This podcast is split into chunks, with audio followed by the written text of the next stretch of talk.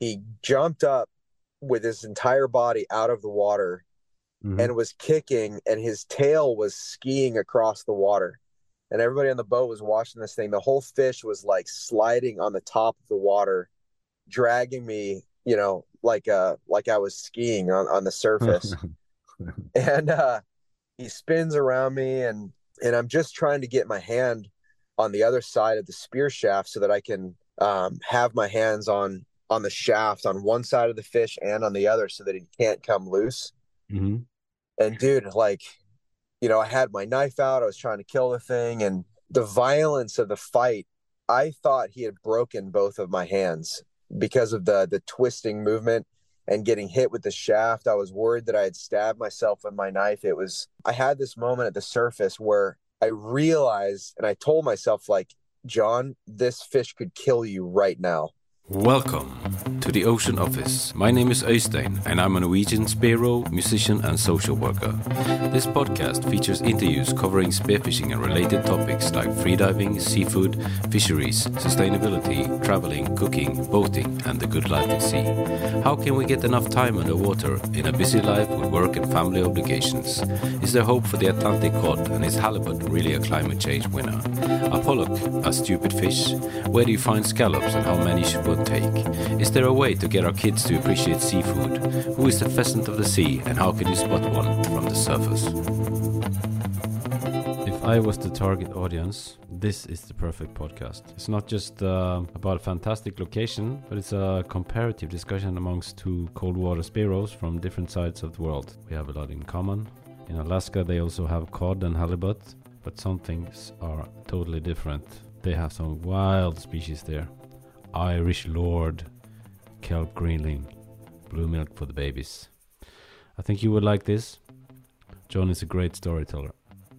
Remember to follow Spearfishing Bergen. That's where I uh, post my English episodes and also where I'm being uh, social with uh, spearos from all over the world. Merry Christmas, Happy New Year from Ocean Office, Havkontor. John Dornellas, welcome to the uh, Ocean Office or uh, Havkontor uh, podcast. Thank you. Yeah, I've been wanting to do this for a while now. There's a lot of international podcasts about spearfishing, but sometimes I would like to hear more about spearfishing in uh, in a climate which is more similar to what I'm used to. I I think you guys may be the only ones that uh that have it pretty much just like Alaska. We even have fjords over here. Not as maybe not as many as you guys, but yeah, Alaska. Um, I, apparently, and I, I didn't know this know this before, but Alaska has more coastline than the rest of the entire United States combined, right. and um, it it really is its own place, man. But I haven't been to Norway yet, but in all the uh, in all the photos and everything, that's uh, at some point I need to come over and pay you guys a visit. Because you're into halibut, I understand. Yes. Yeah. Um I had done quite a bit of spearfishing in other places. Um, I thought the dogtooth tuna was mm. the pinnacle fish for me. Mm. I had hunted quite a few of those in Fiji. And then when I first came out here, my first halibut that I shot, it was the most glorious fight I've ever had and to this day, my top two fights have both been halibuts. So it's uh, it's a, it's a very special fish, man. And you know this, seeing them underwater, they're the most beautiful swimmers of any fish that I've ever seen underwater. I only caught one halibut, and it was on the bottom. Okay. We get halibut here, but you don't catch them with spear. What do you call it? It's like a, but you put on a out a line, you know, a fishing line, Okay, so where where exactly um are you located? Um, I live in a city called uh, Bergen, which is on the west coast of Norway. Okay. And looking at the map, it kind of looks like uh, we're about the same kind of uh, latitude. Yeah, it's not too different. I think actually Bergen is a little north from from Homer. Yeah, I've um I've spent quite a lot of time looking on Google Earth at all the coastway our coastline in Norway, and it's it's a special place, man. I, again, I've never been there, but it looks absolutely incredible, man. I think we have a similar kind of thing about Alaska. You know, I usually, I mostly know Alaska from watching like ski and snowboard movies. So yeah, I think I think it's bigger there. You you have bigger mountains, So it's it's good here, but uh, yeah, you have got bigger mountains. Yeah, that's I, I think that's a pretty good observation, man. This place is absolutely massive. You know, you doesn't take very long to to go and find a place that no human being has ever dove, mm-hmm. and uh, it, it's it's pretty easy to get lost out here. You know, yeah. drive or on your boat or whatever. It's it's it's pretty humongous. Yeah. So so you live in uh, Homer? Yes, yes. Homer, Alaska. Now I'm originally from Florida, uh, yeah. United States. Originally from Florida. Yeah. I uh, was living in North Carolina for a bit, but um, I knew the first time I came out here that I wanted to live here, but it took a little bit more convincing to get my wife to to want to stay out here. You know, it's oh.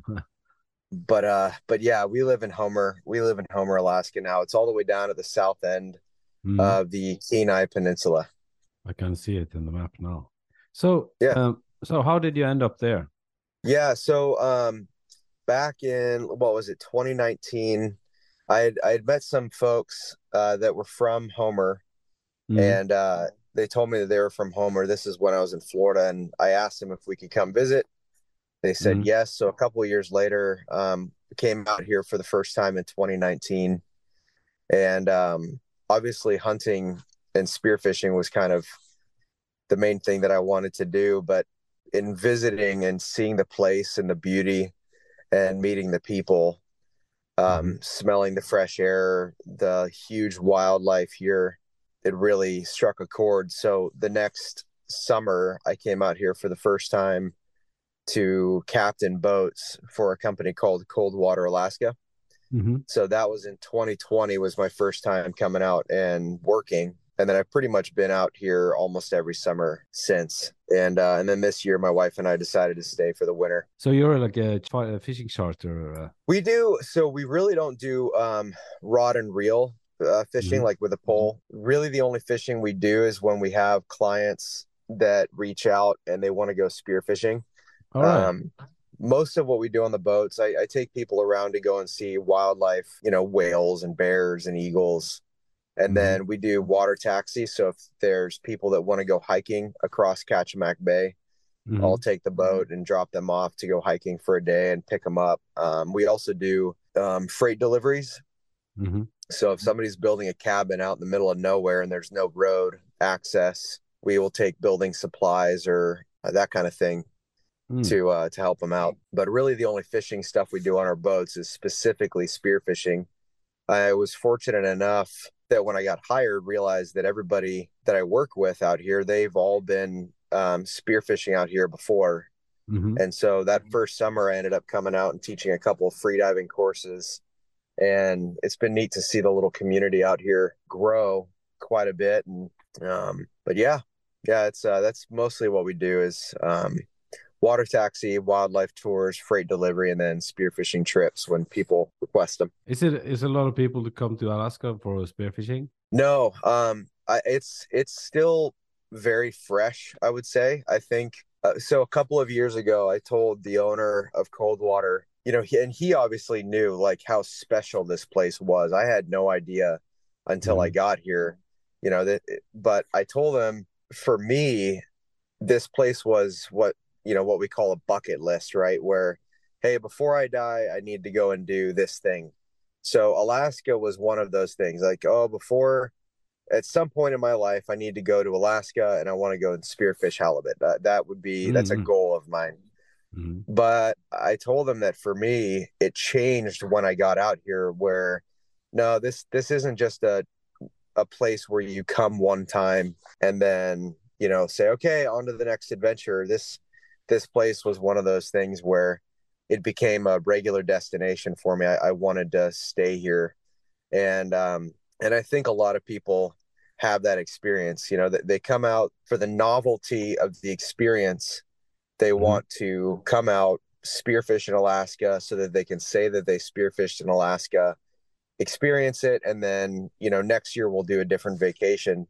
But a lot of folks that we've had, they come out with that intent and they realize, oh my gosh, I want to come back as soon as I can. You know, yeah. um, there aren't very many people that come out here, go spearfishing, experience this place, smell the fresh air. There's not very many of them that don't want to come back. Almost everybody wants to come back and make this a, a regular destination.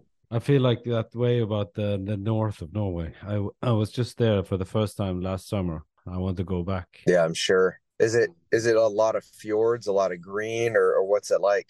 Well, you got fjords all over the whole coast from the south to the north. It's kind of a, different landscapes, really. It's like mountains, mountains all all the coast.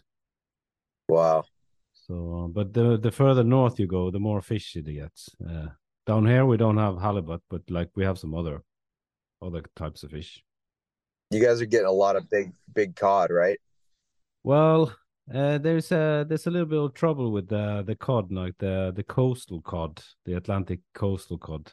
The the stocks are kind of depleted a bit, so the the fisheries are uh, they have cut down a lot of the on the quotas for fishing the coastal cod. Oh wow! Okay. It's, it's uh it's also the fisheries. You know, I don't know if you heard about the, about the skrei. No. It's like a migratory cod that comes from the north of uh, Svalbard and it comes into okay. the north of the Norwegian coast every winter. So there's a it's a it's a very traditional fishery, like huge amounts of of cod that come in, and every year a lot of people go there. For hundreds of years, uh, all the fishers in Norway have gone there to fish the the skrei. Okay. So, yeah. And so the numbers seem to be depleted. Well, it's uh yeah yeah. Uh, well, the skrei is usually doing pretty well, but we share that stock with the Russians actually. Uh that makes sense. yeah, but like also the skrei, it, it mixes with uh, the the coastal cod, and the coastal cod is uh is threatened. So um the the coastal cod the cod is not 100% sustainable because of they mix together you can't always tell them apart I see. I but see. they say, but they say that the halibut is doing quite well now. Like uh, all the people say that uh, there's a lot of halibut. That's good. North. Well, it's yeah. it seems like it. I've seen some of the photos coming out of there, and it definitely seems uh, that they're plentiful, which is good. Do you um, out there? Do you guys have quite a bit of um, commercial fisher uh, fishermen going for the halibut?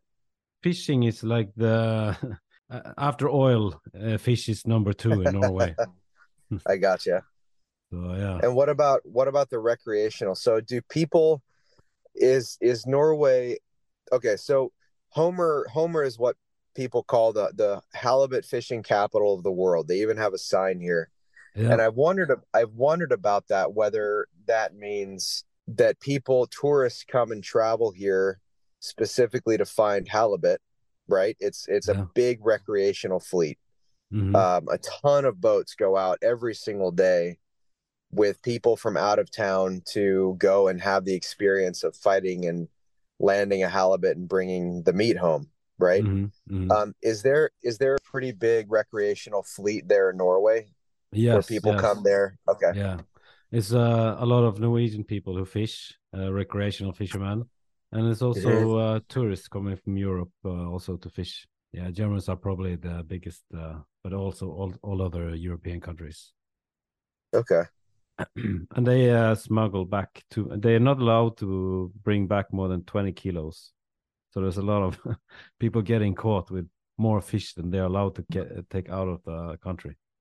Well, there's not very many halibut in Germany, so no, no, no. I, imagine they're trying to bring presents back for their friends. Mm, yeah, but yeah, everybody loves halibut. Like the the yeah. Danish also love the the halibut, and uh, there was the, there is halibut in the the sea between Norway and and and Denmark, but uh, also uh, not as much as it used to be. Okay, yeah, it definitely seems like Norway is the place for halibut and all of in all of Europe. Yes, but also you got hal- halibut on Iceland and, and Greenland as well. Hmm. I don't think anyone has ever spearfished Greenland that I know of. Well, let's go. yeah, that would be cool. That would be cool. Man, that'd be an incredible trip, wouldn't it? Yeah. But it's like you you have the different types of this, the Pacific and the Atlantic halibut. Mm-hmm. Is it the Pacific halibut that goes all the way down to Mexico, or is that kind of? Yeah, so it is the same. My understanding is that it is the same fish that they they they can hunt. I know a lot of my friends in California; they're hunting halibut all the time. Hmm. But if the, you know if they get a if they get an 18 kilo or a 20 kilo halibut in in California, that's a that's a big halibut for down there. You know, hmm. versus up here, people are pulling 100 kilo, 120 kilo halibut out of the water mm. relatively frequently, you know? Mm. Um, so it's, I know there's a lot of, there's a lot of species of fish where once they get established in a certain area, they pretty much just interbreed as opposed to massive migrations. Um, I know, and again, uh, take what I'm saying with a grain of salt, but I think uh, my understanding is here the halibut still stay local. They just go a little bit deeper in the water during the winter. Mm-hmm. And I don't, I really don't know of anybody that's shot a winter halibut spearfishing. Um, I would love to find a place where we could keep hunting during the winter.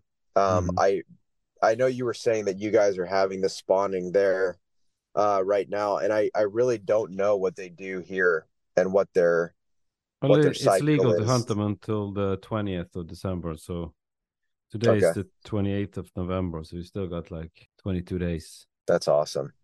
I'm gonna have to come out there and visit you guys um, in uh, you know September or October yeah, at some the, point. That's the best time to go. Yeah, but also spring is yeah. pretty good. April also April May. Cool.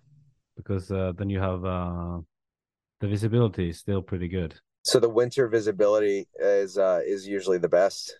Yeah. Gotcha. Yeah, that's kind of the same thing here. Um, during the summer when it starts to get warm, we get we get big algae blooms sometimes. Mm. And mm-hmm. then rainy season can be uh pretty bad for visibility too, obviously with the glacial silt runoff. Oh yeah, you have a rainy season like a monsoon? Um, I wouldn't say monsoon. Like th- this year, it was raining really bad once uh once June and July came in, it was raining like crazy. Yeah. And uh so I, I think I think for us like the summer months, this summer, August, the vi- visibility was really good. October, the visibility was really good. Um, it didn't seem like there was much of a late algae bloom. Uh, the mm. water stayed pretty darn clear in a lot of spots. Mm. And so I think it just kind of varies from year to year. I don't um, like right now, it's November and I'm sitting in the truck and there's, you know, it's raining right now. Mm-hmm. Um, but we've also had a bunch of snow and stuff. So the snow melt, I think the snow melt this year, it really started melting fast uh, about mid May. All right. End of May. Yeah. That is but, that is by at sea level or um yeah, maybe sea level to about 200 meters over over the water. Everything is completely melted and then uh, a little bit further up, you'll still see the snow caps into the beginning of June this year. Yeah, yeah. yeah. So, so Homer, Homer is a little bit more hills, and then across Kachemak Bay, you know, a few miles across Kachemak Bay, it's very different topography. It's all uh, mountains and fjords, much deeper water. Mm-hmm. Um, and it's essentially a it's essentially a completely different landscape than Homer. Homer Homer is basically the uh, runoff from ancient glacier deposits. Huh. Yeah. Versus right across Kachemak Bay. I mean, I can be across Kachemak Bay in 10 or 15 minutes. Mm-hmm. And that's where all the glaciers were coming from and carving out and, and depositing the silt right over here in Homer. So the the landscape is totally different in Homer than mm-hmm. just right across the bay where the where the mountain ranges are. So that's where you have the big uh, snow-capped mountains and. Uh... Yeah, there's quite a few of them there, and then if you look, like on the map, if you look at Homer and then look directly west mm-hmm. and north, you'll see the uh, the whole mountain range over there, and you know there's there's uh what is it three thousand meter mountains there. Yeah. Um, you know, uh, three thousand. What is that? Thirty 3,100 meter mountains, I think, 10,000 feet. Yeah. And that's uh that's about 45 miles away from us hmm. across mm. Cook Inlet. So people go sometimes with a boat as well for skiing as well.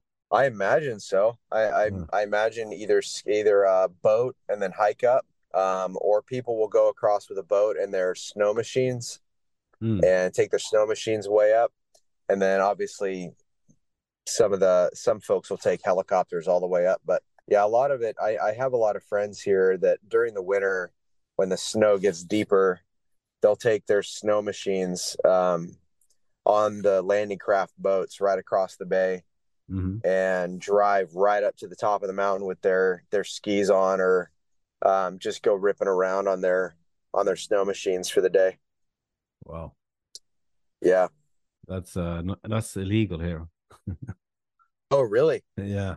Yeah, you can have you can get a special permit uh, if you have like a, a property or something in the mountains. If you have like, some kind of if you're a farmer, then you can get like a special per- permit to to have a snowmobile. Huh.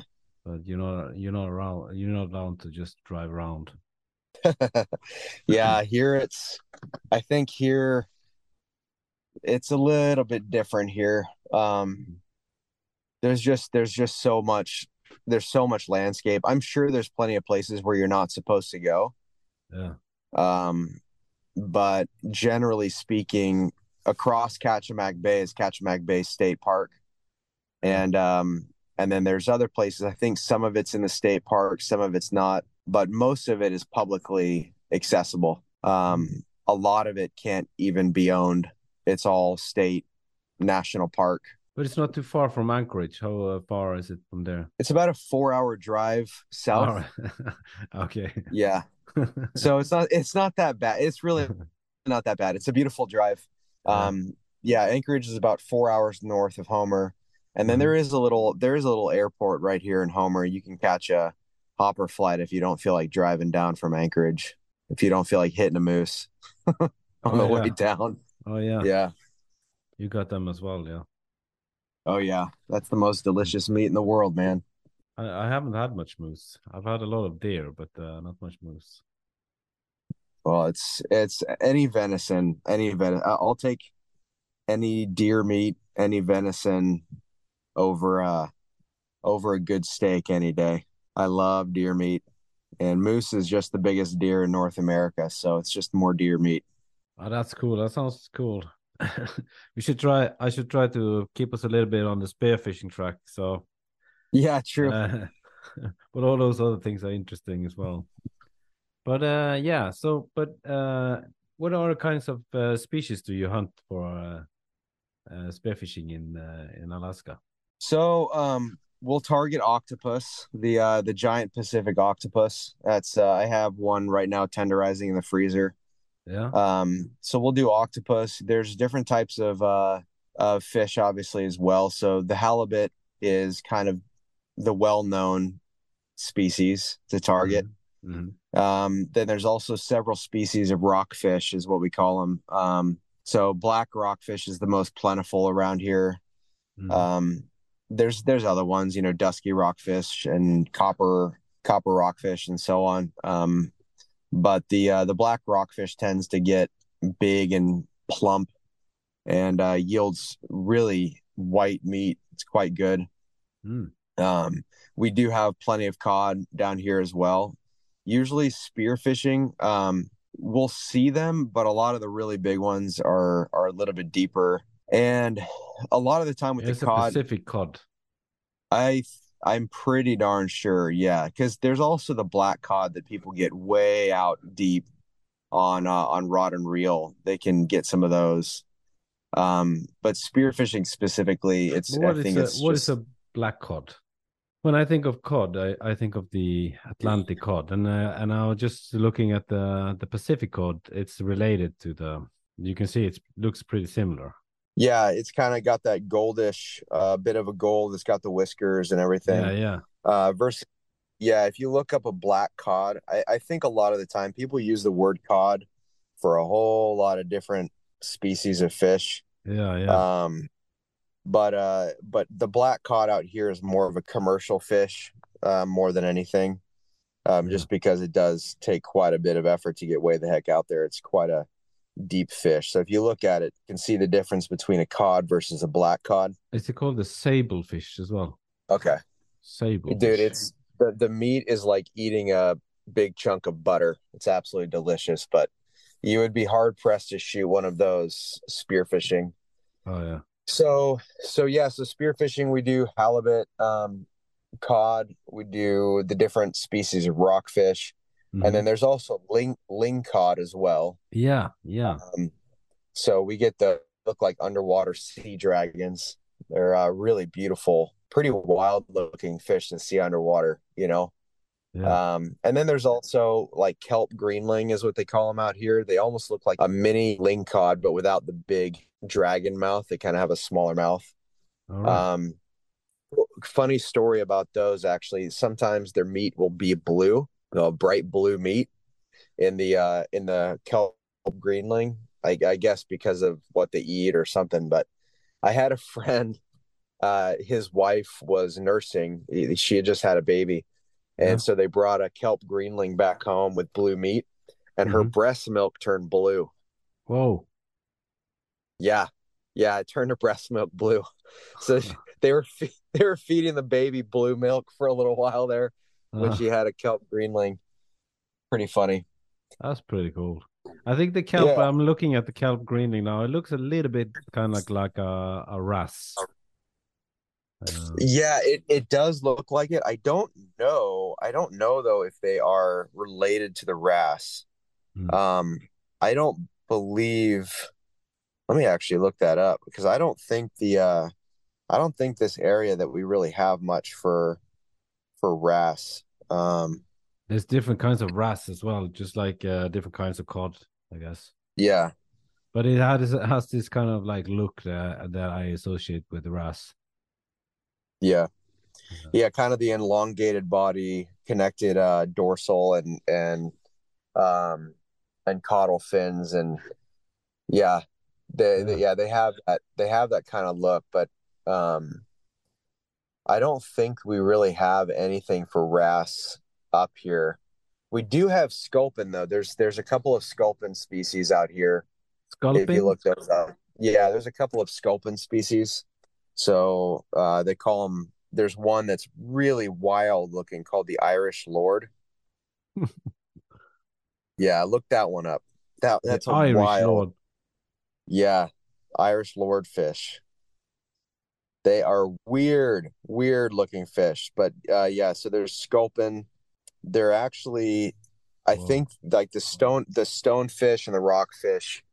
Uh, not the rock rockfish like what I was talking about, but there's like the stonefish. They tend to have poisonous um, spines, but yeah. apparently, as gooey and weird as they look, there's actually there can actually be pretty decent meat on them but we we usually just leave those alone. You know, there's enough other excellent table fare out here that we usually leave the sculpins, uh, Irish Lord, and even the kelp greenling. We rarely even shoot those. We yeah.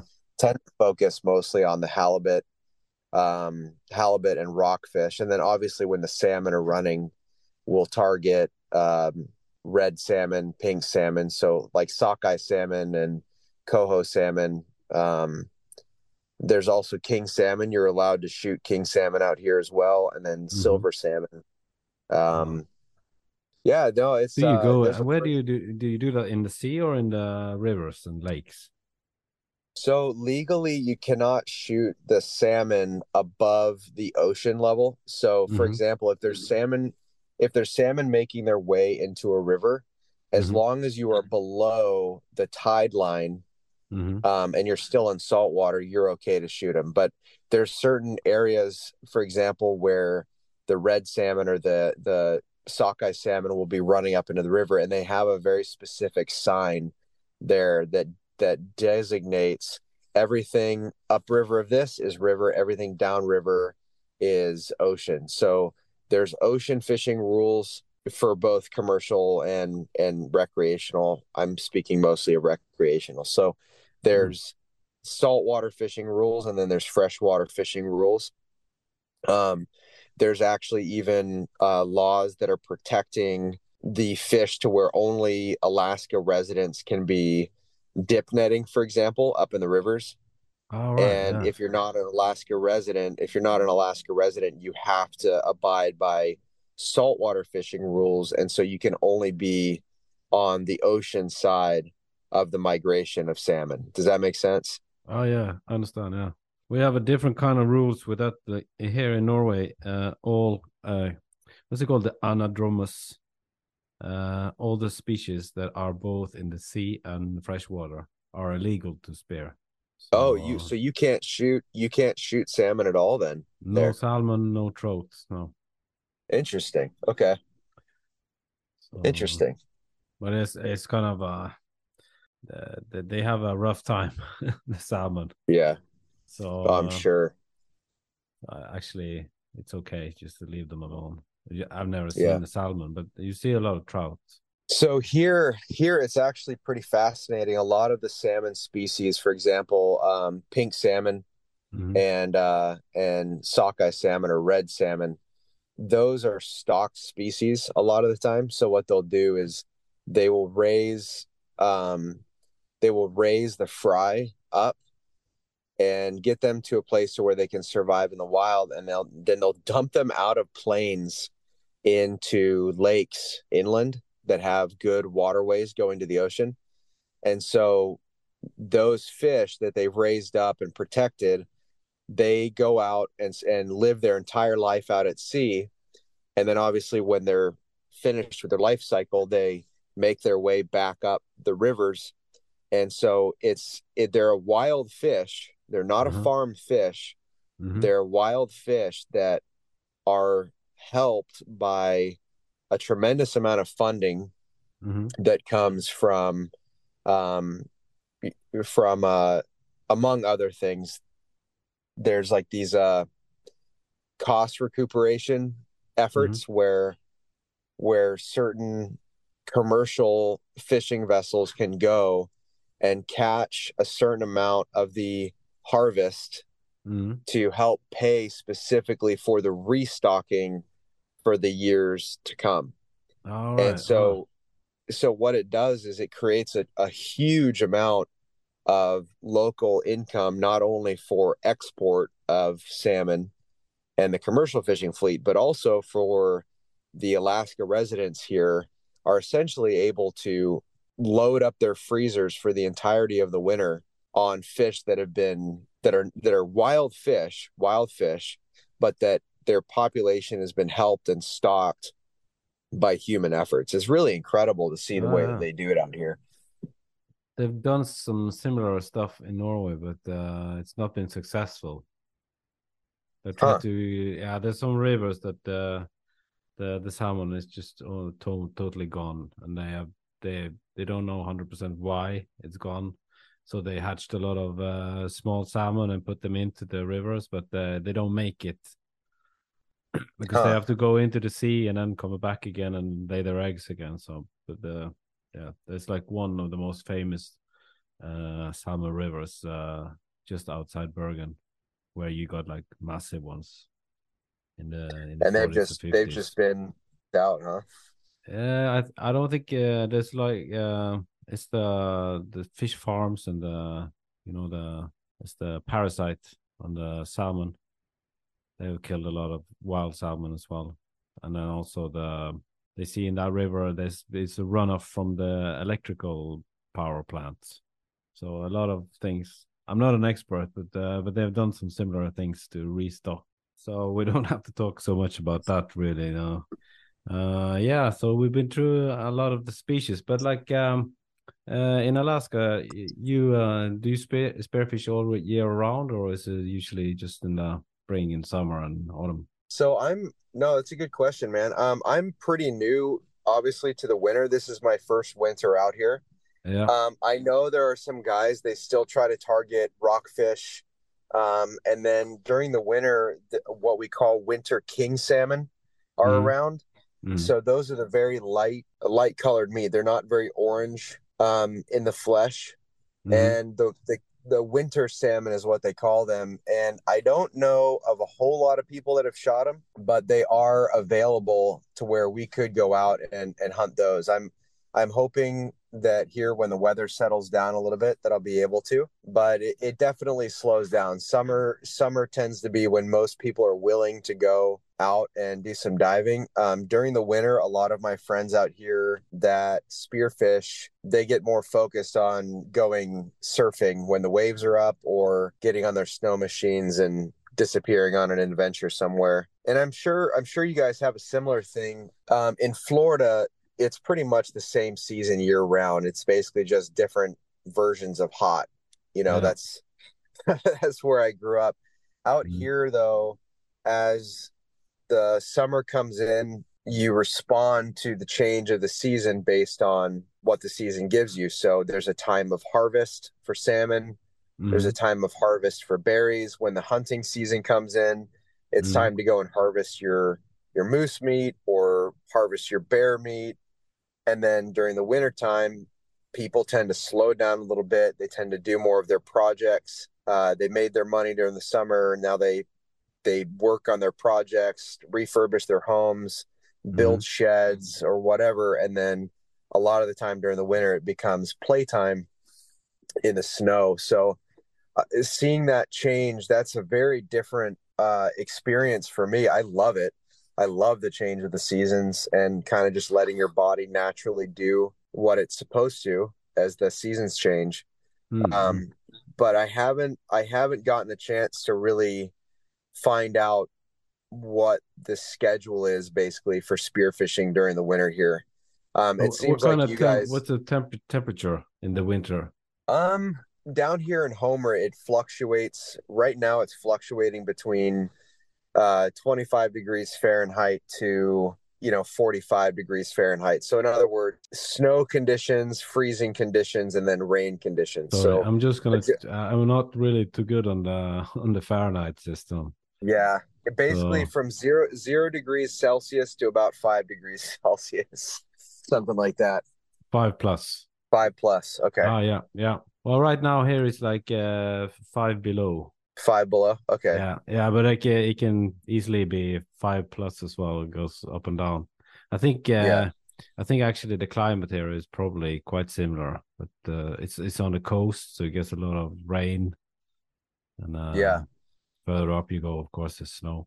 Uh, and it gets that. Do you guys get that really uh, humid cold where there's a lot of moisture in the air, and even even if it's only you know, let's say that it's zero degrees or five plus degrees, it feels much colder because the moisture in the air oh, yeah, penetrates. Yeah, yeah, yeah okay. Yeah, that's we what we that... call uh, we call it rot when it's a rot. That's when it's kind rot. of like wet and a little cold. Yeah. Wait, let me try to say that. Rot. Rot. yeah. Wait, say it again. Let me hear. Rot. Rot. Yeah. Rot. That's a hard one. So I don't know if I told you this. Uh, my uh, my dad was born and raised in Angola, Africa. Mm-hmm. So we're all Portuguese descent on my dad's side. So most of my European experience has been down uh, visiting, um, you know, Portugal and Spain, France, those those places. I've spent a lot of time in Portugal and spearfishing in Portugal, yeah. but I've never, I've never ever been to any of the Scandinavian countries. So I that place has been, you know, I was talking about bucket lists. I really, really want to come visit you guys and experience that place out there. Oh yeah, yeah, you should, you should. Uh, just let let me know, and then uh, if you want to come by Bergen, I'll show you some diving here. But uh, I recommend you to go to the north of Norway if you want to have the the full experience. You know, with the massive halibut and the big cod and cold fish and yeah. Yeah. I would love that, man. It's it's it's becoming um, more and more popular the sport as well in Norway. So there's a lot of people in Norway who I don't know if you follow any of them uh, on the on Instagram. I think I do. There's there's quite a few of them that um that I've followed for a few years, and I'll see their videos and photos and stuff coming out, and every time I'm just like, oh man, you know, it's it's more of it's a completely different place. It's across the world Mm. If you were to fly, you know, from west to east or east to west, it'd be so far away. But if you look on Google Maps, if you look directly from the very top of the world on the North Pole, mm. we're really not that far away from each other. Oh no, no. No, it's it's really fascinating. I mean, you if you could draw a straight line from Alaska to Norway over the top of the world, we are not very far away from each other at all. So no. it makes sense. It makes sense that that our conditions and our fish are so similar and yet it seems so far away sometimes, yeah, yeah, you know. Yeah. Makes you wonder. Uh, you think there's people in like Russia as well who do spearfishing in like the what's it called the Kam- Kamchatka Kamchatka Peninsula? Yeah, Kamchatka. Kamchatka. Yeah. I imagine so, man. I've I've seen one or two. I think we actually had a couple of Russians come over here not that long ago. I don't remember. I I or or maybe it was uh uh, maybe it was like an Instagram post that I saw. I don't remember, but I know there are spearfishers over there. There's got to be. Yeah. And I I imagine that uh probably doing okay over there with uh with their spearfishing. Yeah, there's probably halibut there as well. I'm sure. Yeah, there's got to be. Yeah. So what was your when you shot your halibut um you said he was laying on the bottom so you you obviously had to penetrate did he fight very hard for you or was he pretty um... i stoned it. Oh wow. Yeah so it was not very big one. It was uh 11 kilos. Okay. But i didn't know how big or small it was so i thought it was much bigger because i tried to pull up the spear but it was stuck in the sand so i thought the the fish was bigger than it was. But uh, it was a really amazing experience. I was swimming around in the big like schools of cod like hundreds of them. I've never seen as many Wow. And uh, I also did the small flounders and and it's the saithe, the small saithe. The saithe okay. can get pretty big as well. They can get like over 10 kilos, but the, the usually oh, like wow. huge schools of them, small ones. So I was swimming around there and I just suddenly, I think I was at like six or seven meters and then just saw into those, you know, those crooked eyes. I saw the eyes yeah. first. And it was looking at me with kind of like a angry he looked angry. they always look angry. Yeah. Yeah. yeah. They know what's going to happen. They know. yeah. Now that's it's that's so funny, man. I I call them frog eyes. They look like they have frog eyes, but they're like yeah. really angry frog eyes. You know, almost like yeah. alligator eyes or crocodile eyes or something sticking up. I shot one this summer. I think it was. Let me see, 150 pounds. So that's uh 75 70, kilos. 75 kilos, right? Yeah. yeah. I shot one this summer, 75 kilo. And this one, the first big one I shot, it was another 75 kilo one that I shot my first summer here. Mm-hmm. And and that one was laying on the bottom, but this one I got down to the bottom and some guys had just seen one come up to the surface on rod and reel. The guys some of the other guys in the boat they were taking a break and they saw it come up and chase i guess a lure or something or maybe it broke off or whatever. Anyway mm-hmm. i did a dive down and i could see I, I hit the bottom i got really low it stayed perfectly still and i could just see the tail. It was like a you know the magic carpet movement underneath the water as the tail went out of my visibility a little bit. And so i used the bottom kind of crept along the bottom to to get closer to it without letting him see me. Mm-hmm. and um, got up above the the bottom and closed the gap got close enough to take the shot. And then i slowed down and actually pulled away. And when i did that he made a turn like oh wait, this guy's not chasing me, and he and he made a turn, and uh, and I was able to take uh, a shot basically from the top diagonally from the top of his head down through. So I, I made it up to the surface, and and immediately I could feel the tension on my reel line, and I turned to the guys in the boat. The boat was right near there, you know, maybe it wasn't even 15 meters of water. You know, it was relatively shallow, 12 or 15 meters of water Mm-hmm. And I turned to the guys in the boat and I said, "This guy's gonna, this guy's gonna fight. This is gonna get bad." like I could feel it in the line. I, I knew that this fish had a lot of power and personality, you know. Mm-hmm. And uh, right after I said that, man, he just started. you know, running like a big diesel truck or like a train. And um, anyway, he he fought so so hard. It was the, the the most glorious fight I've ever had with any fish anywhere around the world. Mm. And he just pulled and fought and fought, and I was able to, uh, like, I put the brakes on. And the worst thing about this is I was in my wetsuit, but I was taking photos just before I um, dove down with my gun. Mm-hmm. I was taking photos of my friends, so I didn't have any gloves on my hand. Mm. So there's no gloves. So I'm fighting this fish with no gloves on, and my reel line. I had to be so careful because I didn't want to get my fingers cut off. You know what I mean? Oh yeah, yeah. As the thing's fighting, and um, so I get him up close to me, and I can see that both of my floppers. I use double flopper shafts um, mm. on my spear tips, Mm. And I could see that it had been fighting so hard. It was burrowing a big hole in its skull and uh and and into its cheek a little bit. It was a little bit too far forward of a shot. Mm. So I knew I'm like, I have to keep pressure on this dang fish, man. Mm. I cannot let it go slack. So I just fought it and and drug it to the surface. And uh, when I got it up close to the surface, because of the tension I had on the fish, he jumped up with his entire body out of the water mm-hmm. and was kicking and his tail was skiing across the water and everybody on the boat was watching this thing the whole fish was like sliding on the top of the water dragging me you know like uh like i was skiing on on the surface and uh he spins around me and and i'm just trying to get my hand on the other side of the spear shaft so that i can um, have my hands on on the shaft on one side of the fish and on the other so that it can't come loose. Mm-hmm. And dude, like, you know, I had my knife out. I was trying to kill the thing, and and the violence of the fight.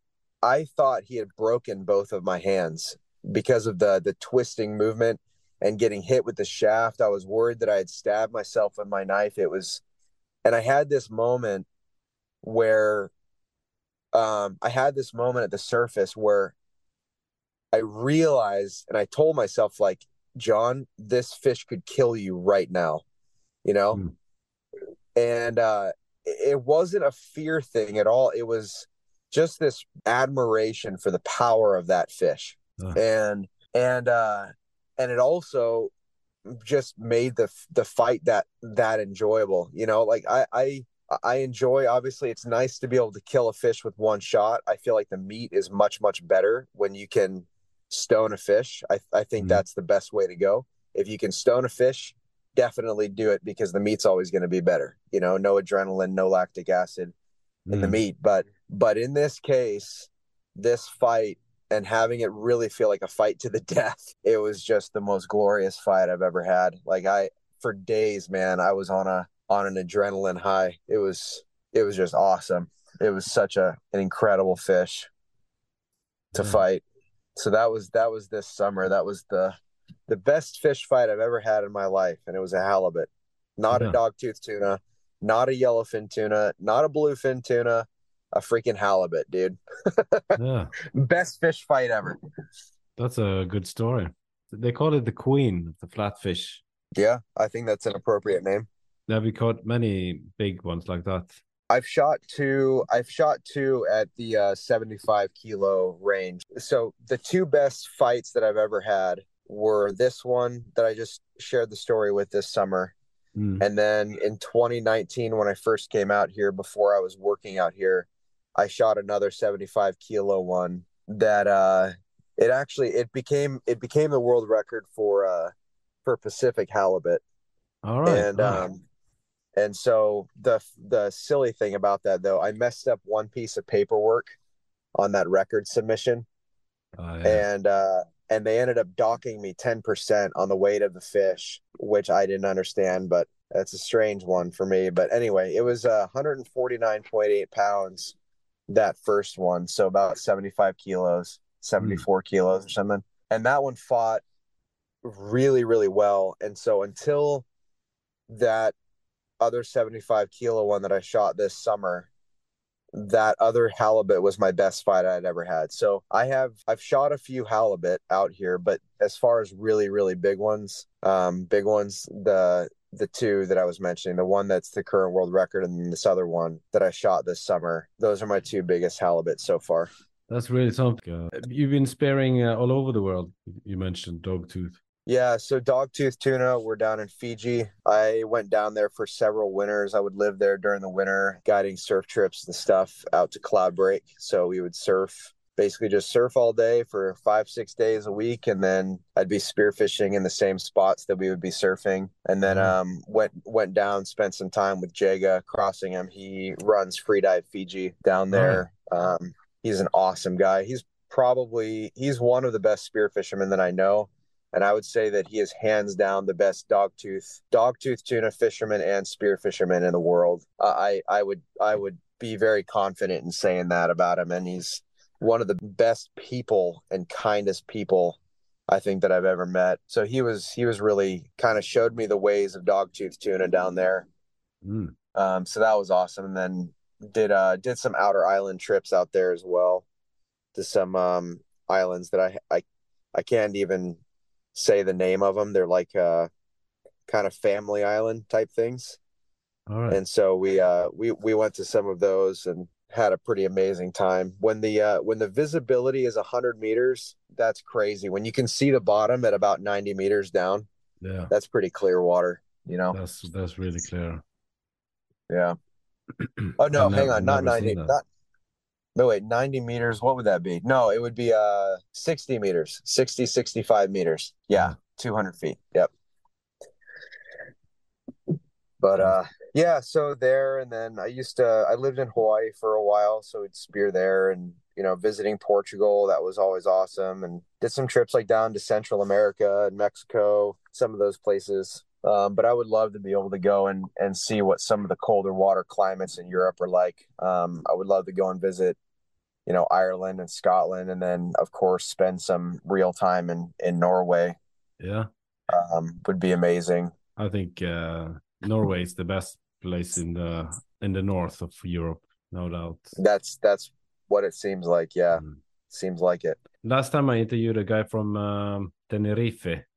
That sounds pretty okay. cool as well. I would like to go there. I'm uh, yeah. I would like to shoot a, a wahoo. Yeah, yeah. Well, there's there's uh, the nice thing is Wahoo are very plentiful the world around. You know, you can find those in a lot of places. I would say uh, Tenerife or um, you guys would probably actually be relatively close to the Azores, which is uh, there's some huge Wahoo out there. Mm. Um, it kind of depends though. I think uh, Isla de Flores is usually usually pretty good for Wahoo, depending mm. on when you're there.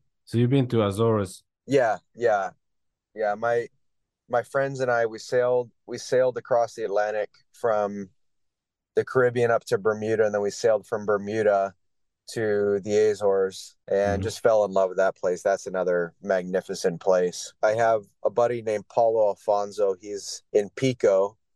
I would say he's probably one of the most successful bluefin tuna hunters on the planet. And then uh, my other buddy, David Ochoa, he's done quite a bit of traveling around the Azores as well as down to Cape Verde yeah. um, for Wahoo. So, yeah, I know, I up, know uh, um, David Ochoa. I know who that is from the. Oh, you do? Yeah. Call it if you if you talk to him and you call no, him. No, no, I don't know him, but I I know him uh, from uh, like uh, Noob Spearo. Oh. Yeah, yeah. I got you. Yeah, yeah. Mm-hmm. Shoot him a message and tell him tell him that I I told you to call him Princess. we'll see what he says. Yeah. Now he's that's another that's another amazing dude, man. David David's a good guy. Paulo's a great guy. So he makes really good videos. Uh, David Ochoa. Yeah, dude, he's so freaking talented. That guy, my goodness, he's mm. always been gifted with a camera. So for all these places you've been traveling, like you prefer Alaska? It, it's it's funny to say it out loud, isn't it? Yeah. You know, it's I uh I obviously love diving in warm, clear water where you know I can wear a little wetsuit top and I'm fine. I think mm. there's a time and a place for that, but Alaska to me, Alaska to me is the spearfishing and the beauty underwater is obviously magnificent. Mm. Um, it's very special to be able to provide for my family so much quality meat mm. as well. Mm. That's another reason. And then specifically out here, and I and I don't know if you had this experience when you're in the north of Norway. So tell me if this sounds familiar, but when you come up from a dive in a place like this, the air is so sweet and fresh. Um, you come up from a dive and take your mask off. You look up at the mountain ranges and and you're smelling like this fresh air with pine and brine and it's just the sweetest air I've ever breathed coming yeah. up from a dive, you know? Mm.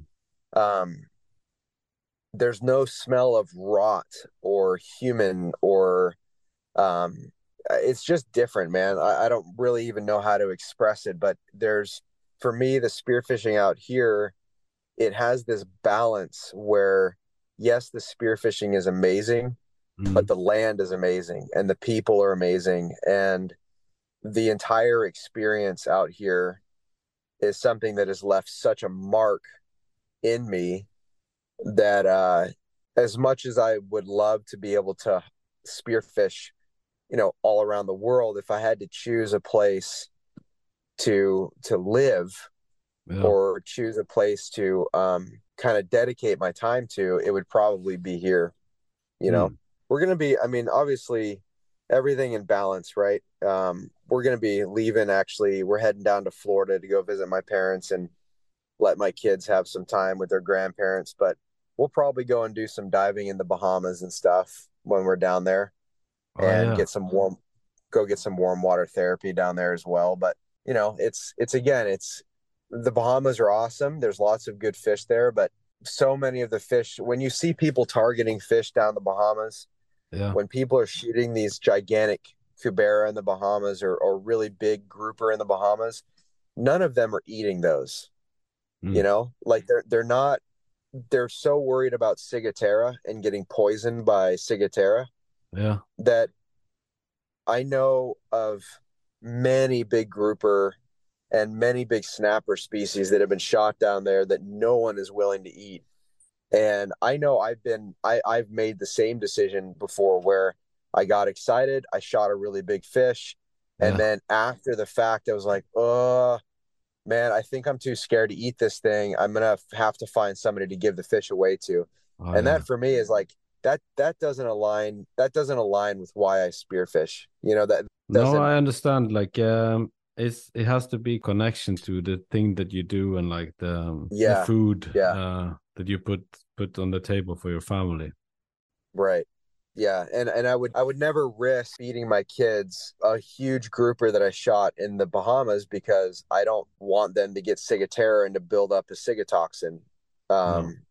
Quantity you know what i mean so so there's obviously been times and, and again i'm guilty of this where you get excited you target a big animal you kill it and you get a photo of it and that's just not what spearfishing is to me at all anymore you know Mm. And so as much as I love diving in the Bahamas and some of these these warm water places, unlike those places, you come up here and you have very low mercury content in the majority of the fish up here.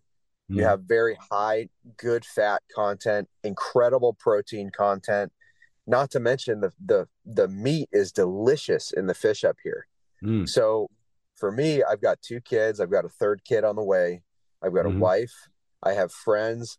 All of us enjoy good meat. And so having that as the type of fish that I'm hunting, I know that anything I shoot out here is going to be excellent table fare. And one big halibut could stock my freezer for six to eight months, yeah. you know? Mm. So, but that's does that it's a long answer, but does that kind of answer your question about about why Alaska? Yeah, yeah, it did. Pretty cool. You know, I uh, I get what you're saying. Norway is also uh, pretty clean compared to many other places in the world. We don't have any yeah. issues with like uh, here. Yeah, or mercury, I imagine too. What is the mer- mercury in the tuna, right? Yeah, it's it's one of those things, you know, like uh, we we can eat so and so much of it, and and and that will the health benefit will be bigger than the the harm from the yeah. mercury. So, but the mercury is also in the bigger the fish, the more mercury, right? It depends on the species, obviously. Uh, you know, the real dark red blooded pelagic fish are obviously going to be high in mercury. Hmm. Um, mm. People who uh, target and eat, you know, marlin and uh, I believe swordfish is really high in mercury. Any of the tuna, mm. I think I think wahoo is a little bit lower on the mercury. Um, right. I don't think they have as long of a lifespan. I don't don't quote me on that, but my understanding is yeah, tunas are very high in mercury. fast. Yeah, yeah, yeah. It's a very that's a very sustainable spearfishing target for sure. You know, you can you're you're not going to be doing a whole lot of damage on the wahoo population as a spear fisherman. No. Um. Anyway, yeah. As far as meat quality goes, I would say of all the pelagics, I would choose uh, wahoo for sure as the highest um, sought after pelagic meat for me personally. Um, yeah, it's very versatile. It sounds like that to me as well. You know that. Uh... Yeah, I mean, you can you can eat it as sashimi. It's delicious sashimi, but and sushi, but it, as as a cooked fish, it's absolutely incredible. You know, tuna yeah. tuna is a little bit. It has a little bit less. I would say it has a little bit less versatility than uh, than wahoo does. You know, most people are going to want to eat it raw or can it, um, or they'll do the collar meat or whatever else. But wahoo, there's about a million recipes yeah. that you could use wahoo for, and, and it's delicious. So we got to get you on a wahoo, man. Yeah, that'd be great. I would love that. Do you get like the Alaska pollock? Is that also a fish that you target, or is that just like one of those uh spam fish?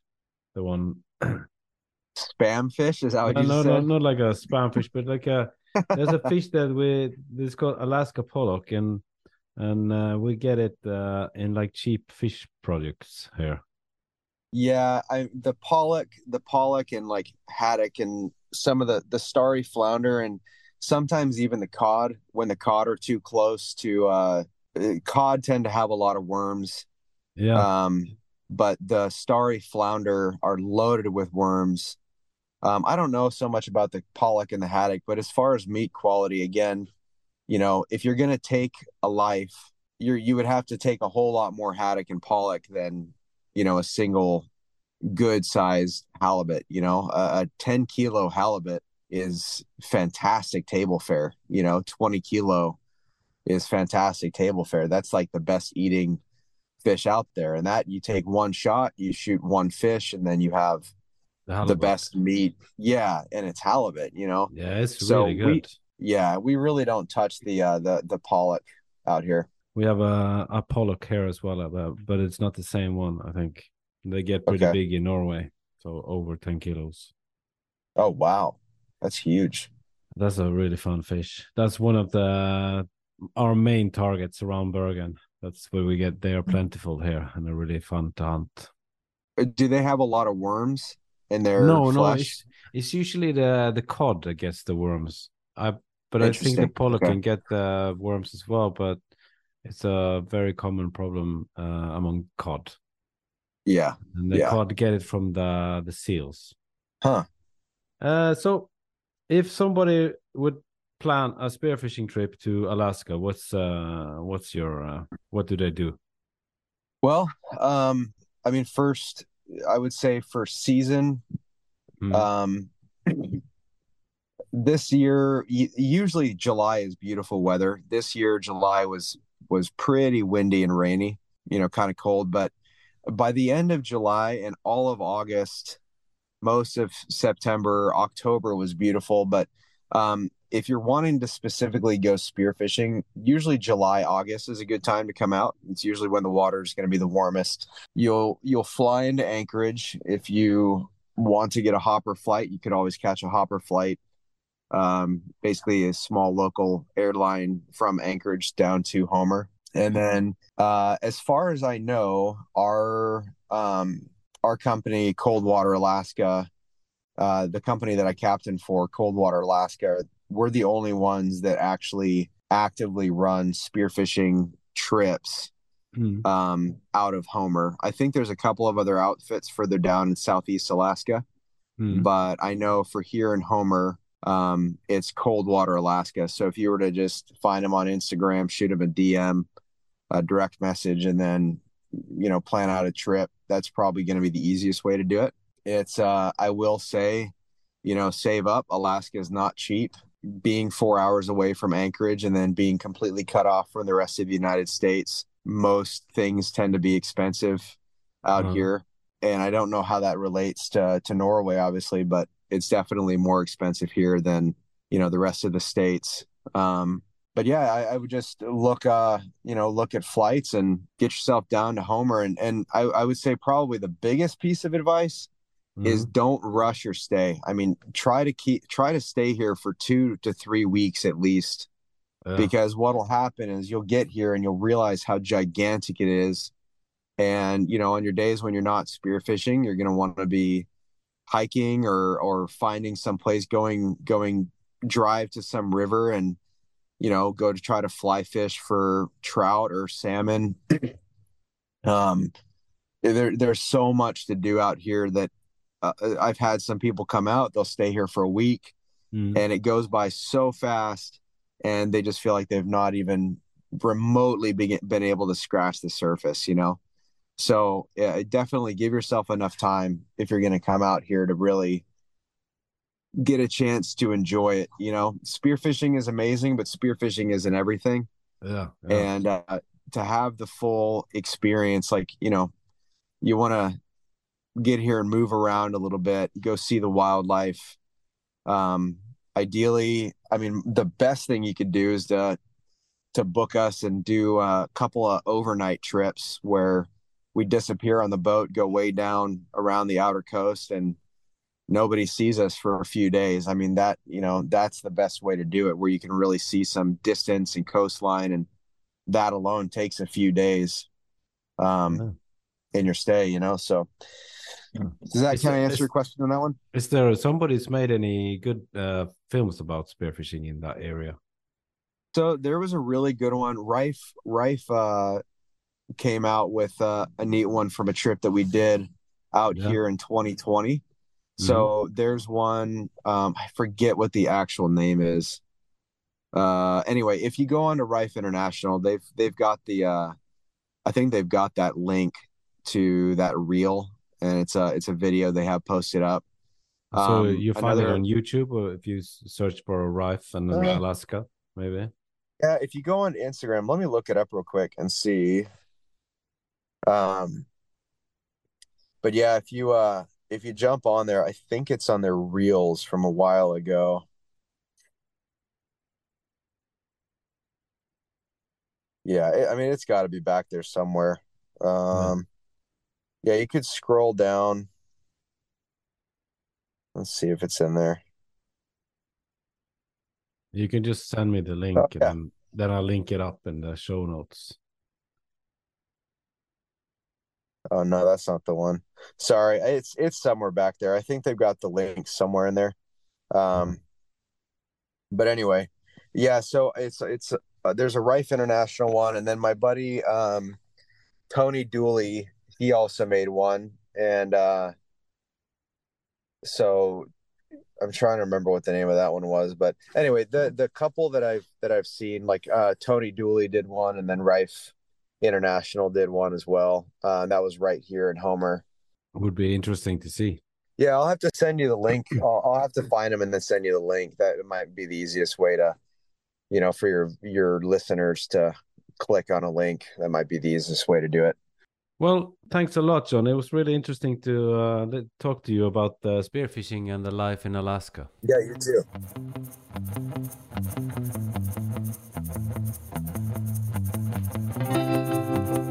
John Dornellas, give him a hand. That was a great episode. Uh, check out his Instagram, I Breathe Water, and also his uh, his work, Cold Water Alaska. Also an ambassador for uh, Riffe International. Yeah, and of course, me as well, Spearfishing Bergen and uh. To all my Scandinavian listeners, next year there will be more episodes in Norwegian as well, and uh, in English, if I feel it's relevant for uh, me and my interests. Like last episode, it was Viking Spearo, so even though it's from uh, Tenerife. So uh, send me a message, tell me if you like the podcast. Merry Christmas and Happy New Year.